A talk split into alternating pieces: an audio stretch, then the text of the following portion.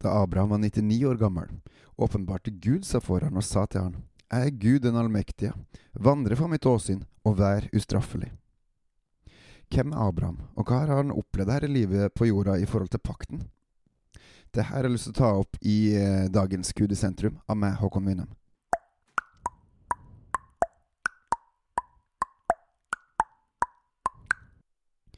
Forrige søndag fikk jeg avslørt hull i min gammeltestamentlige paktforståelse.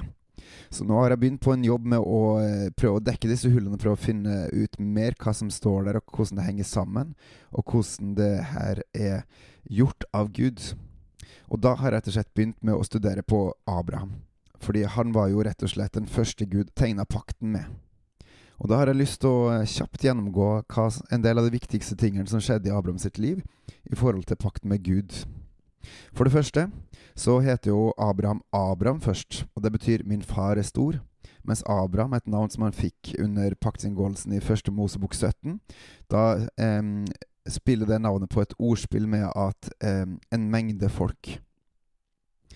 Det som var litt overraskende for meg, var at faktisk Abraham, Abraham var 75 år når han fikk beskjed av Gud om å dra. Han fikk ikke beskjed om hvor han skulle dra, men han fikk beskjed om at jeg skal gjøre det til et stort folk, jeg skal velsigne det, og du skal bli til en velsignelse, og alle jordens slekter skal velsignes gjennom det.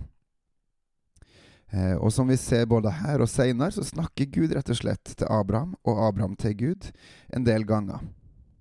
I tillegg så ser man også at Abraham får englebesøk, eh, noe som han skjønte, og han fikk også eh, besøk av ypperstepresten Melkisedek, som velsigna han. I kapittel 15 så ser vi at Gud gir løfter via en pakt, og det skal være en gjensidig pakt, i motsetning til Noah sin pakt, som var en ensidig pakt bare fra Gud. Så skal denne pakten være mellom Gud og Abraham, altså at den skal gå to veier. Gud sier at han skal være hans skjold, og han skal få en stor lønn. Um, Abraham får også beskjed fra Gud om at han skal få en eh, etterkommer som er hans egen sønn. Og han skal få like mange, like mange etterkommere som stjerner på himmelen. Og Abraham trodde på det her, og det ble regna han til rettferdighet. Abraham trodde, og det ble regna han til rettferdighet. Videre så står det også at han skal få ett i fremmed land, og de skal trelle for folket, og de skal bli undertrykt og plaga i 400 år. Men så skal Gud befri etta, og dømme undertrykkerne, og de skal få med seg rikdom. Mens Abraham han skal ikke oppleve dette. Han skal rett og slett dø i fred som gammel mann. Det er løfta fra Gud. Og så kommer det også landløftet om at din ett, Abrahams ett, skal få et så stort landområde som er helt fra Nilen i Egypt til Frat, som er da altså Eufrat i dagens Irak. Og det landområdet er enormt langt. Og så kommer vi til kapittel 17, og da har jeg lyst til å lese fra vers 1 til 19. Da Abraham var 99 år gammel, åpenbarte Herren seg for han og sa til han, Jeg er Gud den allmektige, vandre for mitt åsyn og vær ustraffelig. Jeg vil opprette min pakt mellom meg og deg, og jeg vil gjøre din ett overmåte tallrik. Da falt Abraham på sitt ansikt, og Gud talte med han og sa, Se, jeg slutter min pakt med deg, og du skal bli far til en mengde folk. Ditt navn skal ikke være mer Abraham, men ditt navn skal være Abraham, for jeg gjør deg til far for en mengde folk. Jeg vil gjøre deg overmåte fruktbar, jeg gjør deg til mange folk, og konger skal utgå fra deg. Jeg vil opprette min pakt mellom meg og deg og din ett og et etter deg, fra slekt til slekt, en evig pakt. Jeg skal være Gud for deg og for din ett etter deg. Jeg vil gi deg og din ett etter deg det land hvor du bor som fremmed, hele Kanans land, til en evig eiendom, og jeg vil være deres Gud. Og her gjennomgår Gud gjennom eh, hele pakten sin, som han vil gi til Abraham, hvis Abraham følger han. Og så står det litt seinere. Så sa Gud til Abraham, du skal holde min pakt, du og din ett etter deg gjennom sine slektledd. Dette er min pakt som dere skal holde, pakt mellom meg og dere og dine etterkommere. Alt mannkjønn hos dere skal omskjæres. Som vi alle veit, så holder Gud sine løfter som han gir, og ett år seinere så er Isak født. Det er litt uvisst når, men eh, på et senere tidspunkt så står det når Gud setter Abraham på prøve og befaler han om å ofre Isak.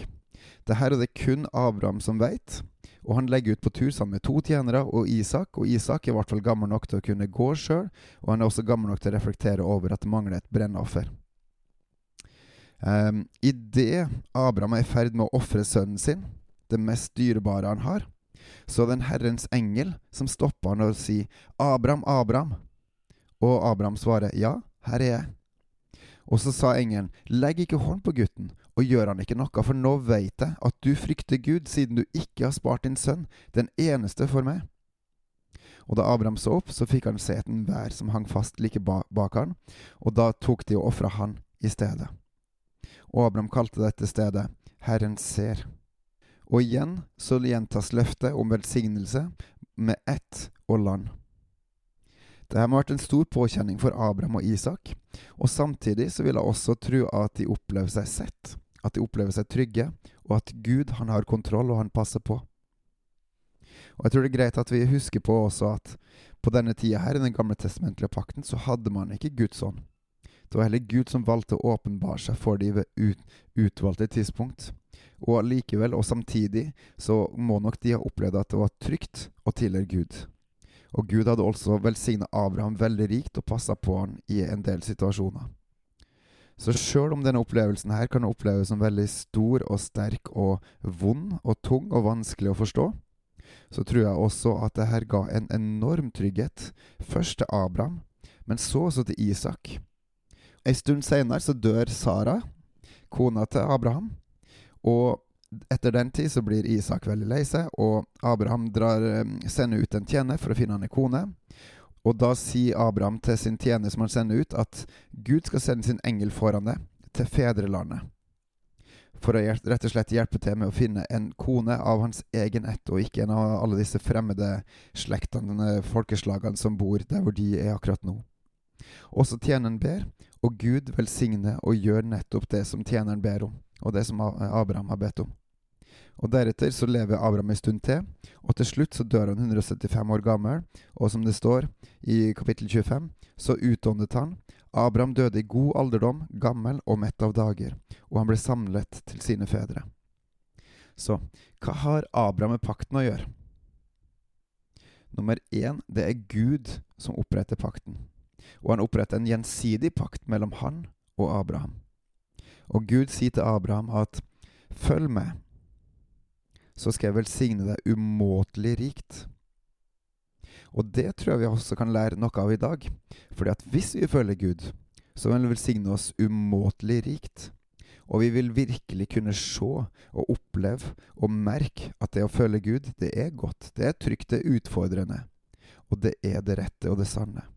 Til hans pris og ære. Til beste for alle mennesker. Amen på gjenhør.